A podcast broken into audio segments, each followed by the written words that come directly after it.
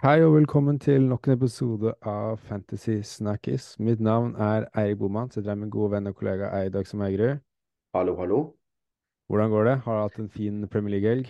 Det har vært utrolig deilig å komme tilbake. Eh, det eneste som kunne vært bedre, er at eh, vi ikke sitter i samme rom akkurat nå. Vi må tilbake over internetten, eh, som er ikke like bra som å snakke face to face, men sånn er det. Det var veldig, veldig, veldig deilig å ha Premier League tilbake. Ja. Kjenner at jeg har savna det, og det var mye som har skjedd, så det er mye å snakke om. Så det er alltid moro. Ja, nettopp det. Det er mye som har skjedd, det er mye å snakke om. Og vi eh, spilte jo inn mye online i fjor, så det er ikke noe nytt for oss. Og det skal nei, nei, nei. Være, være, kjempebra kvalitet på poden, så bekymrer ikke. Um, ja, vi har mye å prate om. Det har jo vært en runde igjen. Vi har lært mye. Vi har fått noen overraskelser, vi har fått litt bekreftelser. Uh, så der, vi må gå gjennom uh, alt av det vi har sett, og mm. det som er aktuelt for Fantasy, og snakke om det. Uh, I tillegg så skal vi snakke om hvordan det gikk for oss i første runde. Gikk det bra, gikk det dårlig? Og så skal vi avslutte podden og snakke litt om Eller ta disse spaltene våre, da. Så alt i alt syns jeg det er faktisk et meget godt program i dag. Så mm. jeg tenker vi kan jo bare begynne å hoppe rett i det, hvis det er greit for deg? Det er det, vet du. Vi hopper rett inn.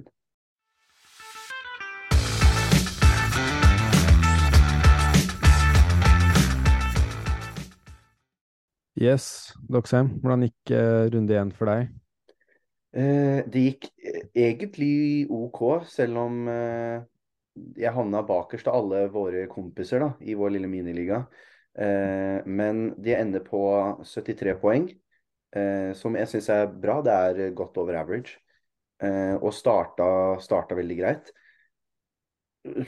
Det store fangstene kom jo fra Haaland, som sagt, som var veldig deilig å få mm. med han som captain. Eh, som vi snakka om sist, det var mange som begynte å tvile litt på han igjen etter Community Shield. Eh, og han beviser jo igjen at eh, det er det bare å drite i, for han leverer uansett. Mm. Eh, så det var deilig å få med den. Ellers eh, gøy å få med poeng fra Arsenal-gutta. Jeg snakka jo i forrige episode om at eh, jeg ville gå for Saliba over Gabriel, fordi at jeg mente at hvis det er en av de som eh, er i frykt å bli rullert, så er det Gabriel. Og se hva som skjedde. Saliba starter, Gabriel gjorde ikke. Og Saliba har i tillegg med seg en ganske billig assist, så veldig greit med den. Eh, ellers også Chilwell, veldig, veldig happy med han. Han mm. eh, Vi var jo på eh, Twitter, eller X som det heter nå, rett før deadline. Og fikk noen panikkmeldinger om at John Stones ikke var med i troppen til City. Eh, mm. Så endte jo med å bytte ut han til Chilwell, og får igjen veldig for det. Eh, så veldig, veldig happy med den. Eller så var det noen eh, som ikke var så fornøyd med. Pickford og Everton så ikke veldig, veldig solide ut. Og Gakpo, som jeg hadde litt troa på på topp, som skulle være min diff på spiss. Han, for det første spilte han ikke spiss, han spilte åtter, og han så utrolig, utrolig dårlig ut. Han hadde en forferdelig kamp. Eh, så utenom det så var det, så var det en, en, grei runde, men kunne definitivt blitt, eh, blitt bedre. Men eh, havner ikke altfor langt bak i starten, så må jeg si meg greit fornøyd med det. Ja. Jeg, for, for, min del så hadde jeg en veldig, veldig bra runde. Mm. 84 poeng og overall rank på 284 000. Det var faktisk på 73 000 før den ManU-kampen. Men jeg sitter jo ikke med Onana. Og, altså, Nei, jeg, jeg, kan jo si også at jeg er på 2,1 million eh, ja. rank etter eh, første gameweek. Ja. Jeg har ikke Onana eller noe defensivt fra Manu, som gjør at jeg ble litt tatt igjen der, men likevel Du satt med Bruno du òg, eller? Ja, det er Bruno. Mm. Uh, han gjorde ikke noe spesielt. Uh, men uh, store diffen min er at jeg sitter med Isak. Veldig fornøyd jeg valgte han framfor Nicholas Jackson. Det er jo en en tolvpoengssving. Eh, selv om Jackson så veldig bra at og burde skåret mot Liverpool, så, så er det, det er måla som teller i fotball. Ja, ja, det er dessverre det. Ja, så Isak med 13 poeng. Shoa Pedro også, veldig fornøyd jeg hadde han skåret straffe. Eller så er det jo uh, Chilwell Estupinan som likevel får med seg syv poeng, selv om, uh, selv om de begge slipper inn mål. da. Så mm. drar de med seg syv poeng, og det er jo kjempepositivt og hjelper på laget. Så eh, god start, og føler at, uh, at jeg sitter med et veldig bra lag, da.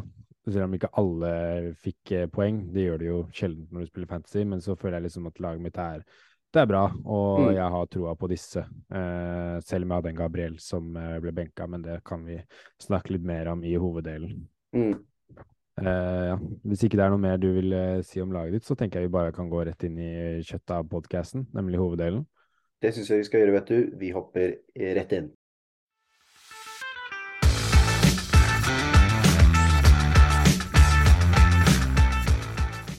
Ja, da har vi jo lagt bak oss uh, runde én i uh, Fantasy Premier League og Premier League, og naturligvis så er det veldig mange spørsmål og uh, hva presterte den spilleren, var det om jeg selger han, om jeg kjøper han?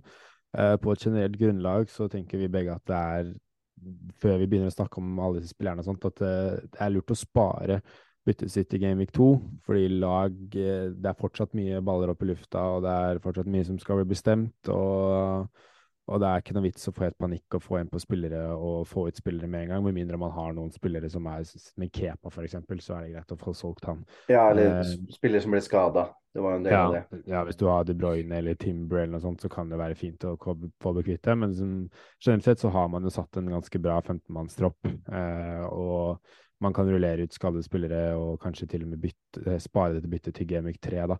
da vil det jo være en litt slags litt sånn Det er mange, mange spillere som man kjøpte for Gamic 1 som har gode kamper i Gamic 2 også.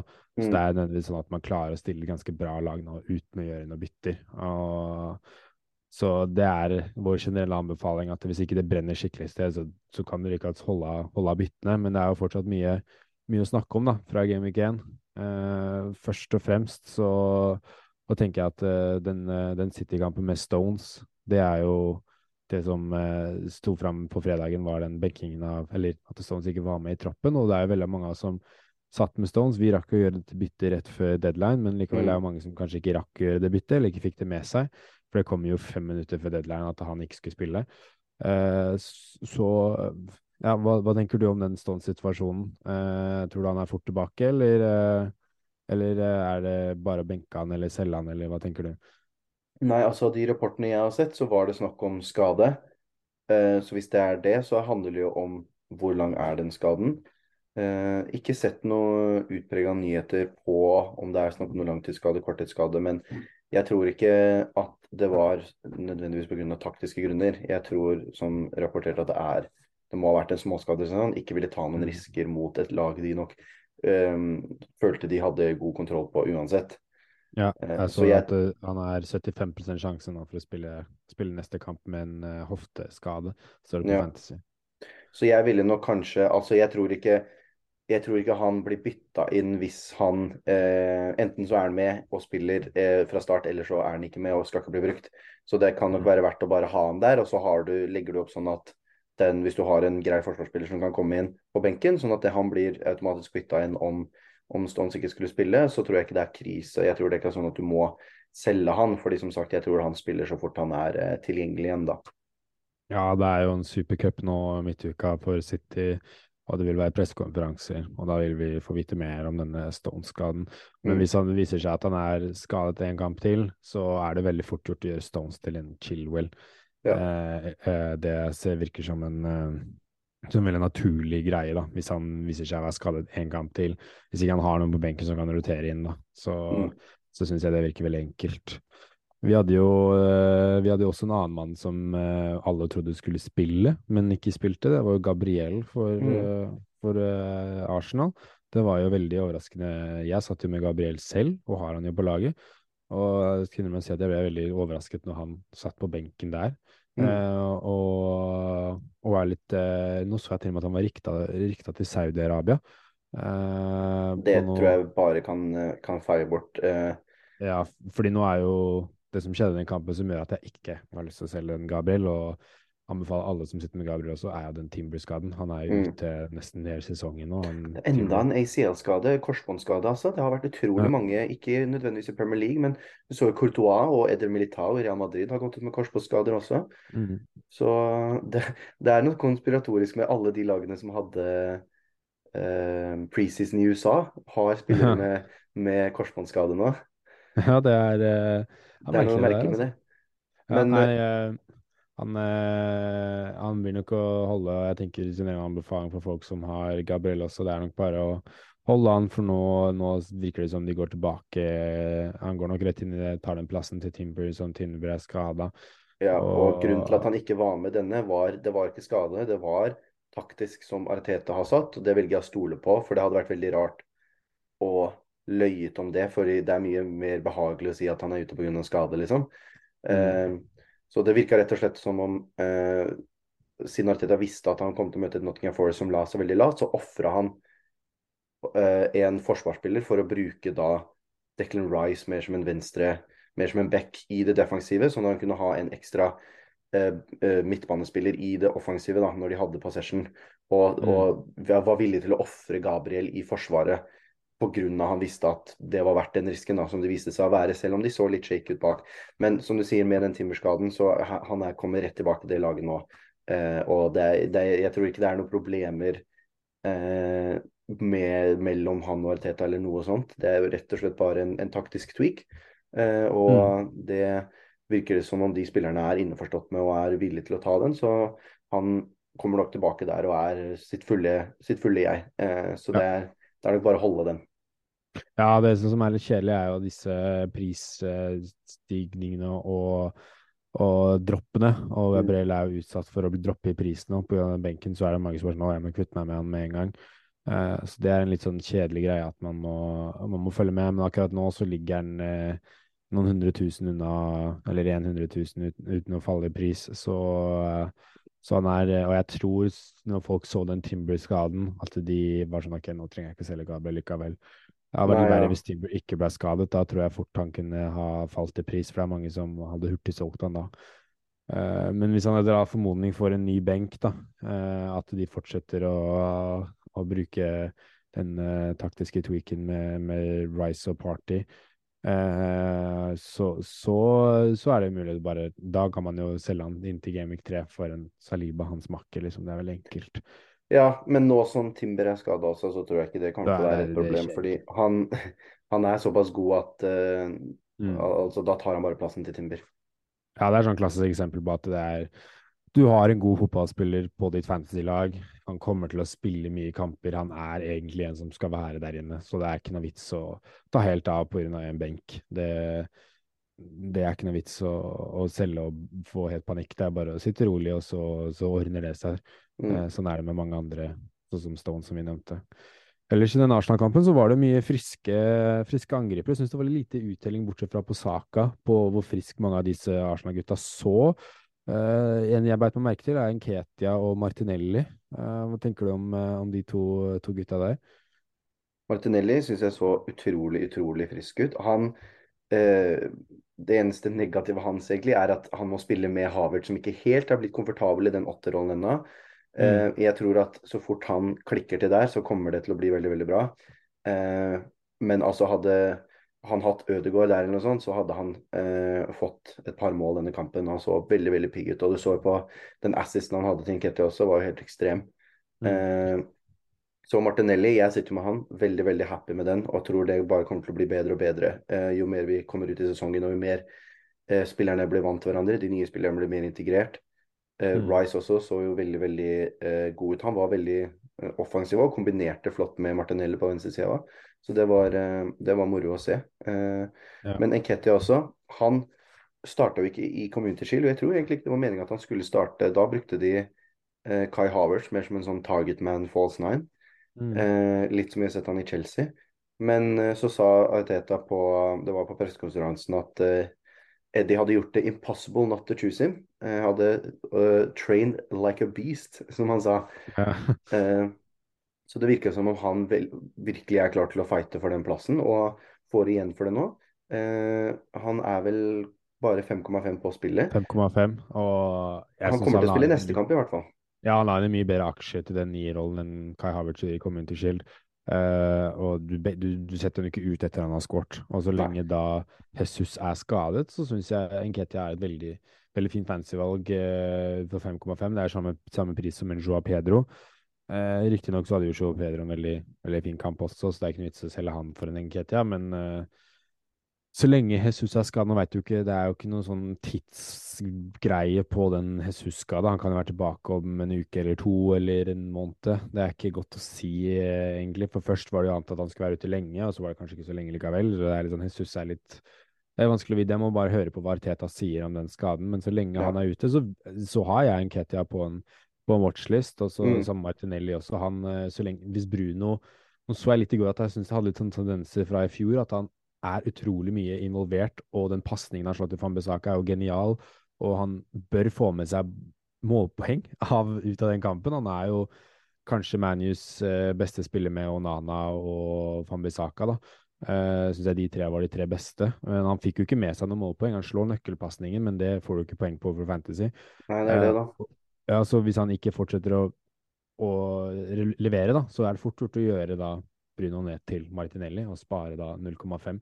Så er, jeg følger også det går godt med på Martinelli, eh, eh, hva som skjer der. Fordi mm. han, han, så veldig frisk ut, og, og han har jo, har jo, vært det lenge. Så han er veldig, veldig fint eh, fantasyvalg. nå som vi snakket om Shoa Pedro, så tenker jeg det er fint å gå inn i Brighton-kampen, for der hadde vi jo mye spørsmålstegn før sesongen. Hva, det, hva var det som skulle skje i det Brighton-laget? Eh, bekreftelse fikk vi jo på at Shoa Pedro starter mm. i en beste Brighton-elver, tar straffer i en beste Brighton-elver. Og det er jo fantastisk verdi til en 5,5 spiss. Frigjør masse midler, spiller i et av de beste offensive lagene i Premier League og er på straffer. Eh, Riktignok så er det mye angrepsspillere der som skal rotere inn. eh, og det kan bli tøff konkurranse om, om de plassene etter hvert. I hvert fall nå som Europa League skal komme etter hvert. Men så lenge Europa det ikke er Europa, så tror jeg Joa Pedro beholder den, den, den, plassen oppe der. For jeg ser ikke helt hvem som skal komme inn og ta den plassen uh, fra han, så lenge han fortsetter å prestere. Uh, hvis ikke så var det noen andre du begynte March hva syns du om at March kom inn og skåret istedenfor Metoma? Du sitter jo med Metoma. Ja, nei, jeg snakka Jeg husker ikke om vi Jeg snakka om det på podkasten, men vi snakka i hvert fall om Jo, det var vel eh, en av episodene hvor vi snakka om den eh, store eierandelforskjellen på Mars og Mitoma. da. Mm. Det var jo snakk om Mitoma hadde 30, og Mars hadde noen, noen 2 til 5 eller noe sånt. Uh, så jeg vurderte veldig sterkt å, å, bytte, men jeg endte med å ikke gjøre det da. Uh, og så er det jo Mitoma som får assisen til Mars der, men av det jeg så i den kampen, så virka det mer som om Mars var liksom mer frampå, mer i eh, enden av pasningene, og Mitoma mer den som la opp. Eh, mm. Så sånn sett det er jo lett å si at jeg angrer på at jeg ikke hadde Mars, for han fikk jo mer poeng. Men sånn generelt også, så angrer jeg på at det, det Mars så mer farlig ut, da. Med tanke på, ja. på målpoeng. Ja, det var litt sånn som i fjorårssesongen, at March var alltid den som hadde de høyeste expected goals, expected goal involvements og alt det der, men det men Metoma fikk alltid med seg disse assistene og sånt. Mm. Uh, og ja, jeg, han er en fantastisk bra diff, og jeg, hvis jeg skulle henta en til fra Brighton, så hadde det fort blitt March istedenfor Metoma. Så han er definitivt på, en, på, noen jeg vil følge med på. Og så er det ikke noe sånn Sitter man med Toma nå, så det er ikke noe vits å bytte Metoma til March. Det er, eh, det er litt meningsløst, for Mitoma kommer til å få mye poeng denne sesongen her også. Han, han leverte jo, han fikk jo assist. og og jeg tror, jeg tror Mitoma, Mitoma, kommer til å fortsette å spille, spille bra. Han Adingra kom inn, da, mm. og, er jo en, og skårte jo, så han er jo en litt eh, konkurranse for eh, Han kom inn for høyre for March, da, han har spilt venstre tidligere. Og det er jo litt skummelt for, eh, for March og Mitoma i framtiden, hvis han skal fortsette å komme fra benken og, og prestere bra det er, blir veldig vanskelig å Man må nesten bare se på hvordan de rotasjonene blir. Og jeg tror det er safest nå i starten, er når uh, cupene kommer og Europaligaen kommer, og sånt, hvor det blir enda mer rotasjon. Da. Kanskje spillere som ikke spiller kamper, eller eh, som vanligvis starter, blir sittende på benken og sånn. Så det er man må, man må følge med. Men jeg tror også man skal ja, Brighton spilte bra, men jeg tror også Luton kommer til å være et av de dårligste lagene i ligaen denne sesongen. Um, mm. Så hvor gode de egentlig var, det, det får tiden vise. Og de har veldig greit program nå første tre kampene, altså to kamper til. Uh, så som du sier, jeg kommer nok ikke til å bytte med Toma til en Mars bare sånn straight nå, bare fordi at det tror jeg ikke det er verdt å drive og styre med å bruke et bytte på det nå. Men uh, etter hvert, da, så Så hvis jeg skulle valgt igjen, så hadde jeg valgt Mars over Mitoma nå for de kommende kampene. Hva med Joa Pedro, da? Hva tenker du, er det noen du For hvem er de tre spissene dine? Jeg står nå med Haaland, uh, Niklas Jackson og Gakpo. Uh, Ja. Og jeg ble jo så klart veldig frista av Ja Pedro når jeg ser hvor dårlig Gakpo til 7,5 var, og så ser du at du har en 5,5 flere, 5,5, eh, som gjør det så bra. Eh, men jeg kommer nok ikke til å gjøre noe, noe med det nå, fordi at eh, jeg har jo en Ja. Diaby på benken, som også fikk med seg mål, som svei litt, sju poeng på benken der. Men jeg kan jo bare sette Gakpo på benken for neste, hvis jeg ønsker det. Eller så har han jo ja, så er det litt dårlig timing med tanke på at de har Bournemouth hjemme i neste. Selv om jeg tror nok jeg kommer Sånn som det står nå, så kommer jeg til å gå Diaby over han og sette Gakpo på benken, for jeg ble virkelig eh, Mista all motivasjon på han i den eh, Chelsea-kampen. Han så virkelig ikke god ut. Men det er jo Nå får vi se om Liverpool får inn noen defensive midtbanespillere der, og så kan det hende han blir flytta opp igjen, og da kan det hende ting blir litt bedre. Men eh, vi må bare se. Men, men Ja Pedro burde være på alles watchlist, i hvert fall, fordi der kan det virke å komme mye verdi for pengene, da, for å si det Jeg Der kan frie masse midler. Mm. Uh, I hvert fall hvis du sitter med, sitter med noen av de spissene til Så hvis du har en Haaland og Salah, så syns jeg da er Shah Pedro veldig, veldig god. Ja, du nevnte jo, uh, nevnte jo eh, disse syv og en halv, og vi hadde jo vår første prisstigning. Det var jo på Isak, som allerede har gått opp til 7,6. Så det kunne gjort gjort Gakpo rett til Isak. Nå har han riktignok en meget, meget tøff, tøff kamp nå borte mot City. Det er nettopp Men- det, og jeg så Ja. Han er den første som stiger. Greit nok, han var veldig god, men han, man skal ikke glemme han spilte bare 67 minutter den kampen. Han har en veldig veldig god backup i Wilson, som kommer til å ta minutter fra han så fort det, hvis, det, hvis han har en dårlig kamp, så spiller han ikke altfor lenge. Mm. Eh, nå var han jo heldig og fikk Han hadde jo to mål på, på kampen, men han spilte fortsatt bare 67 minutter. Og de kommer inn i veldig tøffe program nå. Champions League starter fra Game Week 5. Eh, jeg skjønner at folk går på han, eh, men jeg ville nok holdt meg litt mer i, eh, i tøylene. Ja, Grunnen for at jeg satt med han, var egentlig fordi jeg turte ikke å ha Nicholas Jackson fra runde én, for jeg ville se han an, eh, og se hvordan han faktisk så ut. Nå Mm. så han ut som en typisk Chelsea-spiss som bommer på store sjanser. Eh, men eh, han så jo frisk ut og, og så videre, så Men jeg kommer nok til Fra Gameweek kanskje, nå skal ikke jeg gjøre noe bytter, men som fra Gameweek 3 så skal jeg fort se at jeg kan selge, selge Isak for eh, å ta de liksom uh, cashe inn disse 0,1 jeg har fått allerede, da. Og Mm. gå ned til gå ned eller gå opp. Det kommer an med andre jeg selger. Men uh, jeg er helt enig i det at, uh, at han kommer til å bli tatt minutter fra. Det er derfor jeg egentlig vil styre unna Wilson og Isak, men jeg så bare for meg Isak kom til å starte den kampen, og, og Det gjorde han jo. Og herregud, hvis han spiller som han spiller Han kan spille ti minutter han, når man skårer to mål, liksom. Ja, det var jo som vi så i fjor, at han ene starta på benken og kom inn og skårte. Det er eh, fordi Newcastle de, de så ut som the real deal mot et uh, Aston Villa som er tippa av mange topp sju, topp seks, topp fem, ikke sant? Mhm. Og det er uh, De feide dem av banen, rett og slett. Og det er utrolig imponerende. Og skal ikke se bort fra at de drar til Etihad og gir dem en sinnssykt tøff kamp mot Manchester City. Mm. Eh, Det håper jeg. ja. Sånn som bare det. Ja, ja det, hadde vært morsomt, det. Eh, Harvey Barnes kom jo inn med scoring her sist. Han koster jo bare 6,5. Han synes syns jeg jeg ser så for veldig, veldig spennende ut. Ja, han ser for mannen han starter istedenfor Almiron eller Gordon eh, i neste kamp og framover. Når du skårte to i debuten din i preseason, og så kommer du inn og får assist og scoring, du kan jo ikke benke han da. Eh, så han er definitivt på min watchlist og er blant disse 6,5 eh, gutta som, eh, som er Det er mange å velge mellom eh, nå, sa de. Det er spennende, det. Det er moro. Veldig spennende, og ja, Newcastle ser bra ut, og, men det er som du sier, det er tøft, eh, tøft kampprogram, og det er ikke noe vits å hente noe defensivt, for de kommer til å slippe inn mot City, tror jeg, og de kan fort slippe inn mot Liverpool.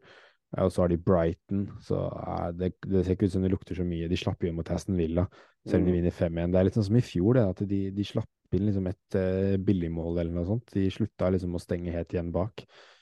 Uh, men ja, det er eh, følgende, spennende å følge med på Newcastle, og de kan man fort uh, sitte med både to og tre spillere på i løpet av sesongen.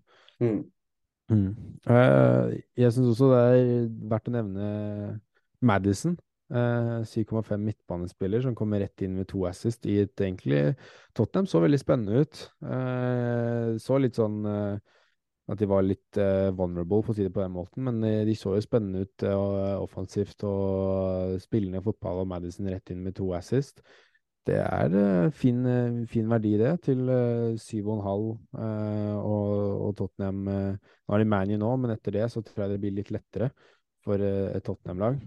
så jeg syns Tottenham er interessant. Hvis ikke så er det Risalderson. Hva tenker du om Madison og Risalderson på midtbanen der til 7 og 7,5? Nei, jeg syns uh, Madison så jo veldig veldig frisk ut. Og selv om det var litt shaky fra Tottenham, jeg syns de bærer tydelig preg om at de eh, har et veldig radikalt skifte i spillerstil. Og mm. de sitter jo igjen med en liten tropp som er bygd for å spille en annen type fotball enn det de skal spille nå. Eh, og det, det bar de preg av. Men Madison så veldig veldig frisk ut. Og du ser de dødballene han kommer til å være på. Det kommer til å være en del mål og assist der, altså. Ja. Uh, så det, han syns jeg så veldig Richarlison uh, var Richarlison. Han uh, vil mye, men får til lite. Mm. Så av de to syns jeg definitivt Madison så friskest ut. Ja, så lenge Tottenham ikke henter noen spiss, så tror jeg Richarlison kan fortsette. Nå har de ManU, og så har de Bournemouth, Burnley, Sheffield United de tre kamper etter der igjen. Så kommer det to tøffe med Arsenal og Liverpool. Men uh, ja, uh, så lenge Richarlison blir værende som spiss, så er det bare knallverdi. Uh, syv blank, spiller spiss, men det er midtball på Fantasy. men han må, han må, bli varm i trøya, tror jeg, og ja. få disse consistent minuttene og, og, få en scoring. Så tror jeg han kan være veldig fin. Men Madison og Richarlison etter denne ManU-kampen er definitivt noen jeg skal skal følge med på. Det er som du sier, De har jo gjennom uh, ny spillestil, de har mista storskåreren sin. Det er, det er, ikke bare bare å snu om der. Uh, og ja, så jeg, jeg, vil heller ha de to enn sånn. Sånn så litt uh, Sånn så ordentlig dårlig ut, egentlig. Lagde straffa og ble bytta ut, uh, bytta ja. ut tidlig. Det var egentlig hans kamp. Jeg kan se for meg han gjør det kjempebra mot Manny også. Uh, men uh, han var en av de som jeg så fra Game Week 1 og ble rett og slett litt skuffa over. Men jeg er desto glad at jeg ikke hadde han, for jeg hadde han inn på noen av draftene mine før sesongen. Mm. Altså, det er spennende å følge med på, på Tottenham nå framover. Jeg tror den Tottenham Manny-kampen blir bra. altså. Ja, det uh, blir det nok. Det var to ja. lag som lagt litt bakover. Ja, definitivt. Den, det som jeg synes, den kampen jeg syns nesten det var mest å ta av, var den Chelsea-Liverpool-kampen. For der var det veldig mye sånn fantasy-interessant opplegg, altså. Mm. Det er eh, jeg synes Først og fremst syns jeg at vi får en bekreftelse på at det, Sanchez starter som keeper for Chelsea til 4,5 millioner, altså. Der tenker jeg at lag som Chelsea så veldig, veldig veldig gode ut. Ja. Eh, så lenge Chilwell og Reece James var på banen, så var jo de var jo fantastiske. og De to var jo de to beste på banen. og De kjørte jo, kjørte jo de to sidene. Og Enzo Fernandes så ut som en million dollar. Og, ja, er, men jeg syns i hvert fall når du har en keeper til 4-5 som skal spille for et topp top 5, topp 4-lag, til og med Se bort fra at Chelsea er oppe og lukter litt, snuser litt på tittel også, hvis de eh, fletter sammen noen seire. Men, eh, men ja, en keeper til 4,5 på et så bra lag, det er nesten for godt til å være sant, altså, spør du meg. Ja, det var jo, og som du sier, de var veldig gode òg. Jeg skal like å se hvordan det blir, fordi eh, de wingbackene til Chelsea fikk veldig mye plass fordi, på grunn av måten Liverpool spiller. da. Og de mm. er litt sånn Den bakre rekka deres har de ikke helt fått satt ennå, fordi de skal inverte Trent, men Robertson liker fortsatt å, å gå offensivt på sånne wingback-løp, så det ender litt med at de, liksom, de blir ikke helt enige om hvem er det som egentlig skal være den treeren i treer bak, så blir det, liksom en, det blir sånn to og en halv nesten bak, og da blir mm. de veldig exposed. da. Og Da er det veldig mye plass på, eh, på sidene for de wingbackene. Det blir spennende å se hvordan det blir når de møter lag som setter seg mer ned og, er, som, og virkelig vil eh, bryte de rommene der. da. Mm. Eh, men som det, de så jo Chilwell også så jo Han var jo nesten spiss til tider. Han står ekstremt ja. målfarlig. Skulle, skulle, ikke hatt et mål, fikk et mål som ble riktig amulert for offside. Men mm. bare det at han er i den posisjonen, tyder jo på at uh, her Spilte er det nummer ni, han. Ja, og det var jo helt fantastisk. Og Reece James også kunne jo hatt 14 her sist med så mange innlegg som han kom der. Han var down the wing hele tiden. Eh, ja. Så det så veldig spennende ut. Og, og så nevnes han eh, ja, Gud, nå hvordan skal jeg prøve å uttale navnet hans riktig. Chuku ja, Chukwumenka eller noe sånt? Chukwumeka. Ja. Carly Chukumeka. Han eh, spilte jo tier fra start for Chelsea. Koster, han er 4,5 midtbanespiller. Mm. Eh, den er også veldig interessant. Eh, ikke noe sånn notert med noe merkverdig med, men 4,5 som starter i en tidposisjon der, det kan også være eh, veldig god verdi. Det begynner nesten å bli sånn Hvilke tre Chelsea-spillere skal man ha? For det kan, er veldig mange som er fristende, men du kan ikke ha alle. Mm. Jeg satt jo sjøl også med, med Levi Colville. Jeg satt da på benken, riktignok, for jeg som riktig antatt trodde det kom til å bli mål i begge ender her. Eh, men han også så veldig god ut og kommer nok til å starte framover. Han koster Ja, bare 4,5, så det er mye spennende å ta i Chelsea, altså. Ja, ja, hvis jeg satt Hvis jeg hadde visst at Sanchez skulle vært eh, startende keeper, eh, så hadde jeg tatt han. Jeg syns han er det beste 4,5-alternativet. Bedre enn Pickford og Leno. Ja, ja. Eh, og, og Leo Colwell også viser seg å være et av de beste 4,5 forsvarsspillerne. Og jeg kan fort få han inn, inn eh, raskt. Når jeg blir sånn Chilwell, Luke Colwell og Sanchez, det blir litt mye Chelsea defensivt. ja, ja. Tre defensivt på ett lag er litt eh, risky. Ja, og det er ikke bare bare å bytte ut sånn som Pickford, Leno, Onana som folk har, ikke sant? At det er ikke noe vits å bruke det byttet på en keeper ned til Sanchez. Eh, da vil man heller vente til en til eventuelt wildcard og ta inn på Sanchez. Eh, men han er, Sanchez kan være en veldig bra sånn season keeper, da. Tanke på at han er så billig og skal stå for et av de beste lagene i Premier League. Og samme er jo grunnlaget for Colwell. Så er det sånn, jeg føler en av de to pluss da Pluss da en Chilwell James. som ser Chilwell gikk av med skade, men det kan jo det bare var litt sånn slitsom Liten sliten James og ville ikke ta noen sjanser eller noe sånt. At det bare er litt sånn han kjente litt og tenkte at nå Ja, vi snakker jo om at det kommer jo en skade hvert år på han, og den, den så ut til å komme nå før første kamp Ja. var ferdig en gang. Så litt synd på han, men Ja, Vi får se hva Portugino sier, men det kan fort hende at det bare var litt sånn Han kjente litt og var litt sånn Jeg tror vi skal ikke ta noe risk. kutte den der. Ja. Um, så ikke så syns jeg det er interessant å nevne at jeg syns Trent ser ikke ut til å være verdt åtte millioner Ikke i det hele tatt. kampen. Eh, Han mista, mista dødballet til Shoboslai. Uh, Shoboslai slo gode dødballer og kunne fort uh, blitt straffet ut av denne dødballen også. Eh, så jeg, det er, ødelegger veldig mye for Trent. da, At nå spiller han jo Og så lenge Liverpool ikke har midt, defensiv midtbanespiller, altså, så får han et mye mer defensivt ansvar. Mm. Eh, med tanke på at McAllister er jo, er jo Han kan jo spille potet, han kan spille over på midtbanen, men han er ikke, den, han er ikke en utprega sekserrolle. Trent da- og McAllister som eh, defensiv midtbanespiller er ikke akkurat det sikreste forsvaret med. Nei, ikke sant. Du må ha litt mer defensivt anlagt eh, midtbanespiller inn der, og som kan pushe McAllister opp og hjelpe, hjelpe Trent uh, defensivt. Mm. Og da blir det ikke så like mye offensivt uh, fra Trent, men han mister dødballer, og han må ta mer defensivt ansvar på midtbanen. Og da syns jeg det er eh, lite verdi å ha han, da.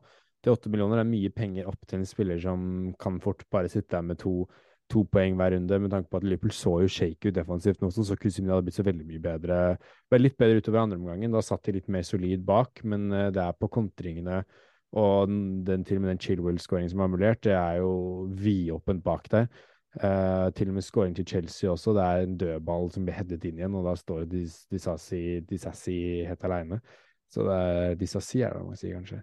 Eh, så det er eh, Jeg syns ikke Liverpool ser noe spesielt bedre ut defensivt, og da, da er det like greit å få bekvitt, eh, få bekvitt Trent hvis man sitter med han, men men jeg syns ikke det er riktig timing å gjøre det før Bournemouth hjemme. Da kan du like godt sitte på han i den, og få med den kjempefine kampen. Men etter etter her så kan du fort, fort få han. Mhm. Siste tanke om Trent Doxe? Jeg ville holdt meg unna så, sånn som det står nå. Hvis det formodning skulle komme noen nyheter på overgangsmarkedet fra Liverpool, så tror jeg han kan bli mer interessant. Men sånn som det står nå, så er ikke det offensive overveier ikke den negative siden du får ved at han er en forsvarsspiller på spillet.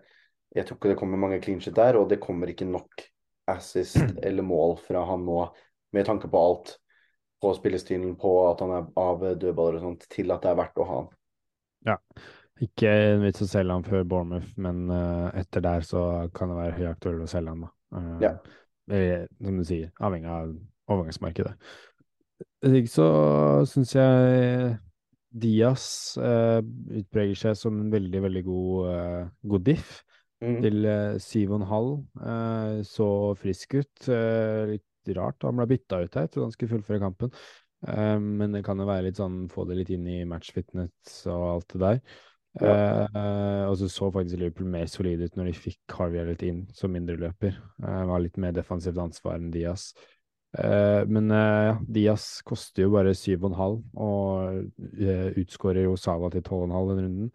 Selv om Salah drar med seg en assist. så jeg syns han kan være veldig fin å ha på watchlisten. og sammen hvis Bruno ikke presterer, eller noen andre ikke presterer, så tjener mye penger på å gå ned til en Louis Diaz som går inn i et de har riktignok nå så har de jo en veldig veldig, veldig, veldig fin kamp, så han kan være fin å pønte inn hvis man absolutt skal pønte inn noen. Så kan man jo pønte han inn for den runden der. Men så har riktignok Liverpool uh, Newcastle borte etter det. Aston Villa hjemme. Men etter der så så det veldig solid ut, da. Mm. Da kan det være mulighet til å, å se, på en, uh, se, på en, Diaz. Eller hvis man vil gå ned fra Sala til en Diaz da, og hente penger og og Salah ikke presterer. Men uh, ja, syns Salah så, så for så vidt veldig frisk ut og kunne fort fått den skåringen hvis ikke han hadde bedømt offside. Og da hadde jo sittet her og snakket om at ah, fader, skulle hatt Salah før den Bournemouth hjemmekampen nå. Uh, men nå sitter vi her så er det sånn, ja, det er en assist og en grei kamp. Han så, han så bra ut, han så frisk ut, uh, litt mer anonym. Litt fordi Liverpool sleit litt mye i den kampen, så blir han jo mer anonym, naturligvis. Ja.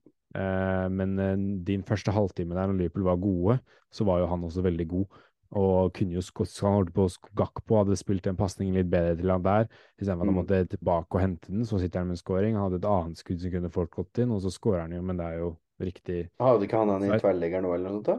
Ja, en tverrleggeren også hadde han skudd, så der han altså så veldig god den første halvtimen og lover bra før den Bournemouth-kampen. Og ja, så det er ikke noe vits å få panikk at han bare fikk en, fikk en assist. Så bare sitte på han og synes det er deilig å sitte på Sala før den hjemmekampen mot Bournemouth. Jeg tror han kommer til å gjøre det veldig veldig bra. Så, jeg var litt redd, som vi snakka om i eh, en av de tidligere episodene denne sesongen, at i det systemet nå, at, han, at Klopp kom til å bruke litt mer um, brede vinger. da, At han kom til å bli litt mer uh, tilrettelegger og bli lagt for langt ute på, på vingen. Men det løser de greit. De får jo det beste ut av Salah når han kan invertere inn og komme på å skyte med venstrefoten sin.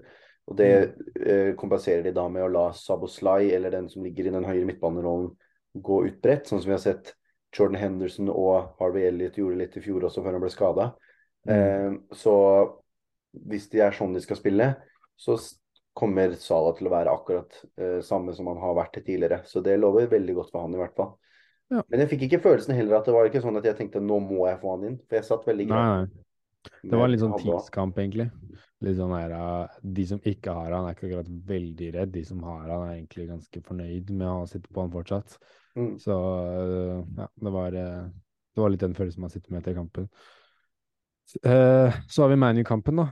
Der syns jeg det var uh, litt skremmende, med tanke på hvor gode Overhampton var, og var egentlig, etter min mening, det beste laget. Definitivt det beste laget.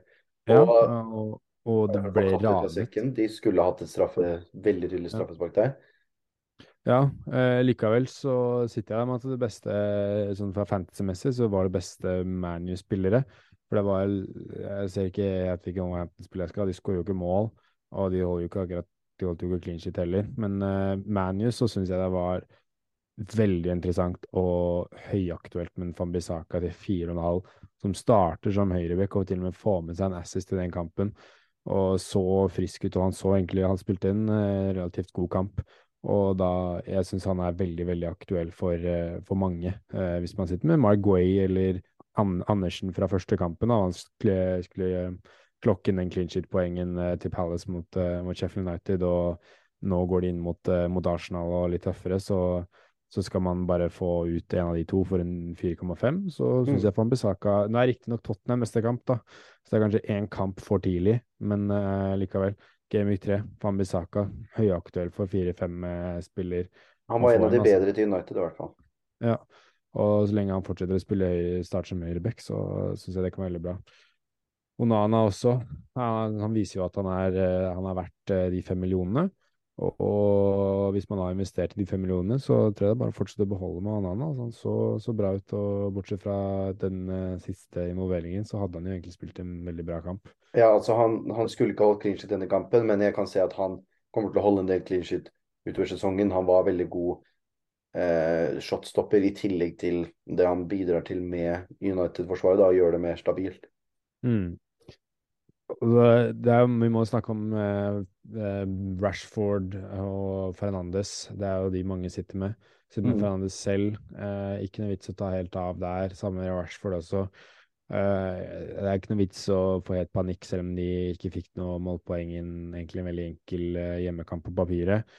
Jeg tror både begge de to kommer til å få veldig fine sesonger og kommer til å eh, få solide poeng. Litt rart, litt sånn redd for den Bruno at det blir liksom som i fjor, at det er mye involvert, lite, lite Han var mer involvert i det oppbyggende enn det avsluttende nå, og det er ja. litt skremmende fantasy-messig. Ja, og Rashford eh, han var på alerten, han virka litt som han han hadde mangla litt den siste tredelen, og den kommer nok etter hvert, så jeg, jeg jeg liker ikke egentlig Jeg har sagt hele tiden at jeg ikke ville hatt uh, ville ha Rashford, for jeg syns han er et dyr. Syns det er bedre med en Saka til 8,5 eller Fernandes til 8,5. Ja, Martinelli eh, til en 8,0 også, som er farlig. Ja, uh, Rashford det er ikke noen tvil om at han kommer til å bli noe godt valg, og jeg vil ikke, vil ikke solgt han nå hvis man sitter på han. Jeg ville bare sitte på han i noen kamper til. Ja, han kommer til å spille spiss så lenge Høylund ikke er inne der. Og nå er det jo noen rykter om at det er funnet skade der, og jeg skjønner ikke helt Det virker veldig rart at hvis de fant en, et stresspunkt i ryggen hans som gjør at uh, han ikke kunne ha så mye belastning nå, at de valgte å gå og fullføre den overgangen, da. For det liksom, de trenger han jo egentlig så mm. fort som mulig, så det blir veldig rart. Men han var jo ikke i troppen nå, da. Uh, så jeg regner med at i hvert fall Rashford spiller de neste par kampene. Ja, som spiss, og det er han jo Jeg tror han kommer til å få noen skåringer framover. Mm. Og ikke noe vits å få panikk der. Nei, det er vel ingen det er vits å få panikk om etter første runden. Det eneste som sagt er skader, er det eneste som er liksom fordi, mm. veit man jo. Jeg synes Sitter man med De Bruyne, så kan det være fint å bare kvitte seg med han. Eh, Dyre spillere på klare skader er greit å bli kvitt.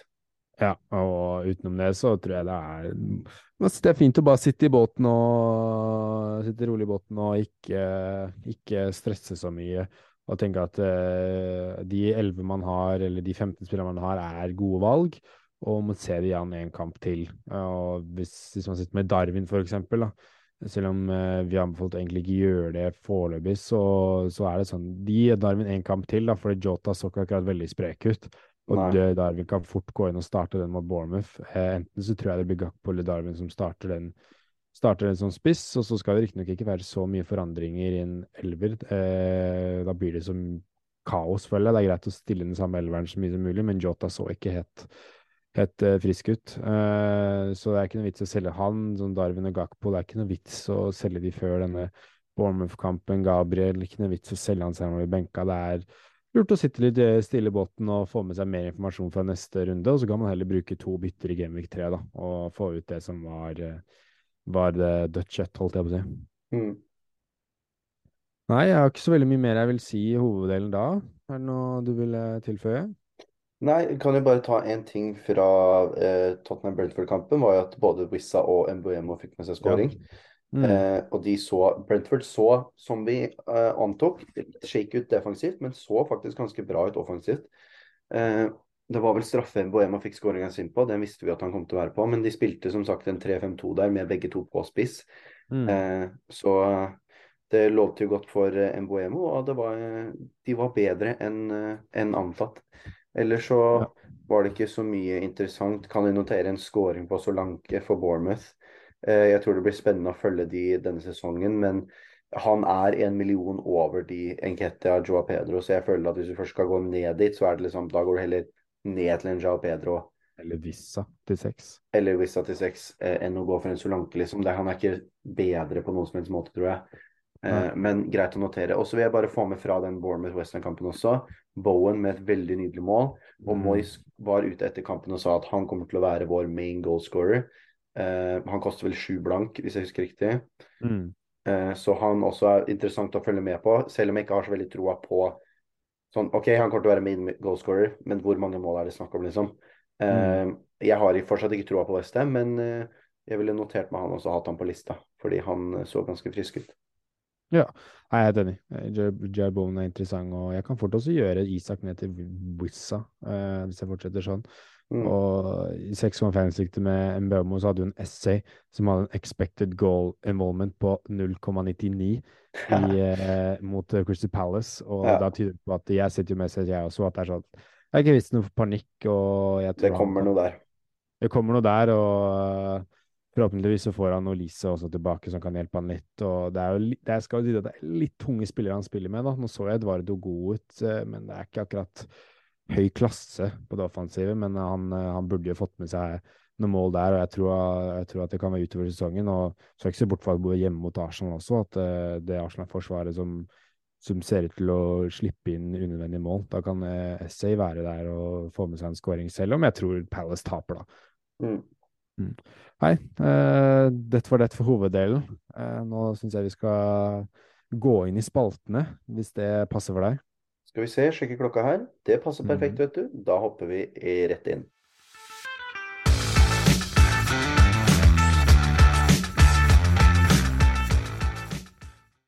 Og da er vi inne i våre faste spalter. Eh, og vil egentlig bare starte eh, dagens spalte med å si at hvis er, dere har noen ideer eller noen ønsker til denne spalterdelen av podkasten, så bare fyr løs. Vi er åpne for forslag på, på, alt, egentlig, og ser alltid etter nye spalter å implementere eller måter å forbedre de spaltene vi allerede har på. Så mm. med det sagt så kan vi hoppe rett inn i Captain my captain, spalten hvor vi eh, diskuterer hvem vi skal ha kapteinspinnet på til den kommende runden. Så da lurer jeg på dine tanker, Boman. Nei, nå har jeg jo valgt Sala for å ha en kaptein i Gamevik 2. Eh, mm. Så jeg kan ikke Da er det meningsløst å ha Sala hvis ikke du skal cappe han hjemme mot Bournemouth. Og i hvert fall når Haaland har en tøff hjemmekamp mot Newcastle, og spesielt hvor gode Newcastle så ut mot Aston Villa, så tror jeg ikke det blir noe walk in the park. Men jeg tror, hvor, eh, men jeg tror jo jeg, jeg tror jo at Haaland kommer til å skåre. Uh, jeg tror han kommer til å gjøre det bra. Men, men, ja, det er en grunn for at jeg har Salah. Da må jeg cappe han. Og det er jo enkelt for folk som har Haaland, å bare putte bindet på han. Det er litt tøffere for oss som har Haaland og Salah, å sitte der og ikke kapteine Haaland. Det er jo litt sånn ekkelt.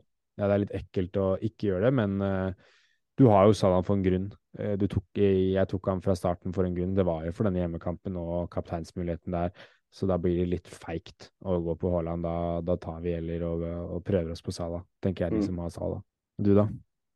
Nei, jeg skjønner veldig godt resonnementet ditt. Jeg er jo i den situasjonen hvor jeg ikke har Salah. Så for meg så er det jo egentlig bare ett valg, og det er Haaland. En liten shout til Arsenal-gutta. Saka og Martinelli tror jeg begge kan få med seg noe fra eh, Crystal Palace-kampen. Men altså, selv om det er Newcastle, det er hjemme på Etiad nå, de skal starte, det er første hjemmekampen. Eh, Haaland beviste at uh, han, kan, han, han, fortsetter å skåre for moro skyld.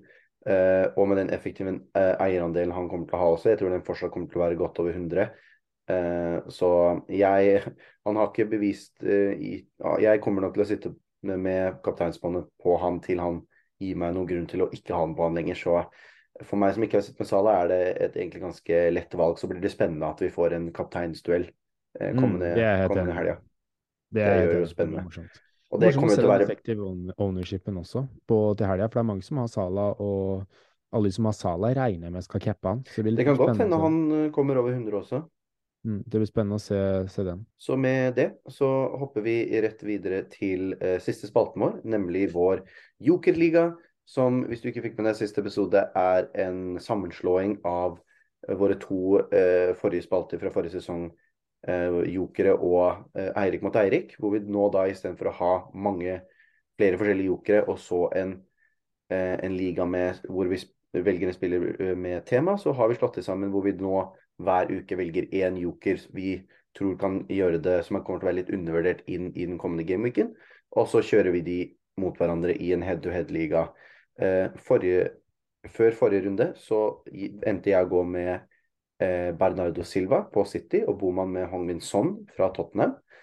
Var jo veldig happy med å se at Bernardo Silva faktisk eh, starta. Det tyder jo på at han kanskje er her for å bli. Så mm. traff med den, men han fikk jo ikke med seg noe. Men et clean shit-poeng og, og, tre poeng der totalt. Og sånn som vi snakka om, hadde en dårlig kamp og fikk bare med seg to poeng. Så sånn som det står nå, så leder jeg 3-2. Fortsetter der jeg slapp eh, i Eirik mot Eirik forrige sesong. Så deilig med det, mm. egentlig. Så da, siden eh, vi velger på draft-prinsippet, så er det altså da den som fikk dårligst poengsum forrige runde, som får velge joker først denne runden. Så da lurer jeg på, Boman, hvem er det du har tenkt å ha som joker denne runden? Uh, ja, det, det er Jeg driver og ser egentlig etter hvilken kamp er den beste kampen. Mm. Um, og targete, og da er det fort Liverpool hjemme mot Bournemouth som er den beste kampen å targete. Og Riktignok når jeg velger spiller nå også, så er dette for dere lyttere også. Dette er en joker for dere å få inn på laget. Så dette er derfor vi velger disse spillerne. Dette, dette, er de to spillerne vi mener er de to beste jokerne inn i den kommende runden. Mm. For dere som lyttere, og så er det jo vi som bare har denne head-to-head-ligaen for moro skyld på, egentlig. Um, og da ble det egentlig veldig enkelt at uh, den som var under 10% på Liverpool, det var van Dijk, det var Robertson, det var Diaz, det var Gakpo, det var Darwin.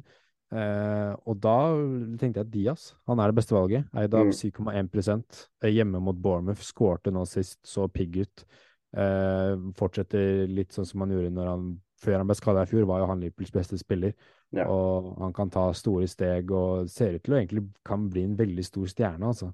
Uh, og da hjemme mot Bournemouth, da er det veldig enkelt å bare si at det syns jeg er det beste jokervalget for, uh, for, de som skal få inn på en joker på Fantasy, og for uh, vår lille, lille, liga. Nesten, Jeg syns egentlig det er irriterende at han ikke er angrepsspiller på spillet, for det hadde vært så mye lettere å implementere han. For det er så mm. mange som spiller vinger og sånn, som er midtbanespillere på Fantasy, og det, du får liksom ikke plass til alle. Jeg hadde jo lett tatt Diaz over Gakpo om han hadde spilt i angrep, liksom. Ja, ja, ja. Så det er litt irriterende. og Han så jeg også på. Jeg, jeg tror jeg er en av de bedre jokerne denne kommende runden. Uh, den jeg har sett på, uh, eh, snakka om litt tidligere. Jeg kommer til å gå med Eddie Nketia. Jeg backer uh, my fellow Arsenal man. Uh, jeg tror han kommer til å starte mot Crystal Palace. Han kommer ikke til å bli benka, tror jeg, med tanke på den kampen han hadde mot Nottingham Forest nå. Og da tror jeg han kan være Jeg tror fort han kan få med seg målet igjen, jeg. Og han mm, har jeg syns det er fint valg å Eierandel på bare 4,3% Ja, så det er i hvert fall for nå kommende kampene, så kan det være en fin joker å få med seg inn eh, de kommende kampene, også nå, spesielt mot Palace. da. Mm. Så da er det altså Louis Diaz fra Liverpool for Boman og eh, Eddie Nketia eh, fra Arsenal for meg. Deilig. Da har vi én spiller fra favorittlaget hvert. Så da blir det spennende å se hvordan vi eh, får til der, om Boman klarer å slå litt tilbake og ta inn det ene poenget den kommende runden. Eh, men med det så var vi ferdig med eh, dagens episode, eller kommer til slutten. Så kan ikke du se oss ut, Boman, som du vanligvis gjør? Jo, det kan jeg, vet du. Ikke noe problem. Eh, tusen takk til alle som har hørt på podkasten, eh, forrige ukes podkast og hører på nå. Det er utrolig hyggelig, og vi setter utrolig stor pris på at dere hører på podkasten vår. Uh, det gjør det mer motiverende å spille inn når vi veit at dere hører på og syns det er gøy å høre på. Mm. Uh, forhåpentligvis så fikk dere med dere noen gode tips og noen gode råd inn i Gameweek 2, uh, og hadde en fin Gameweek 1 også. følg oss gjerne på, på Twitter, eller X, som er at FantasySnackers, og på Instagram, at FantasySnackers. Der hadde vi lagt ut litt info om muligheter for å stille spørsmål og aktuelle temaer før denne episoden her. Og det kommer vi til å gjøre framover også, så hvis du har noe du vil spørre om, eller noe du vil at vi skal snakke om, så er det å bare følge oss på de sosiale plattformene der, så får du muligheten din, altså. Mm. Men igjen, tusen takk for å høre på, og så ha en fortsatt strålende uke, og masse lykke til til helga. Tusen, tusen takk, alle sammen. Deilig å være tilbake. Deilig å være tilbake med sesong to av podkasten. Vi kommer til å kjøre på videre, vet du, så får alle ha masse lykke til i Game Week 2. Vi snakkes. Ha det.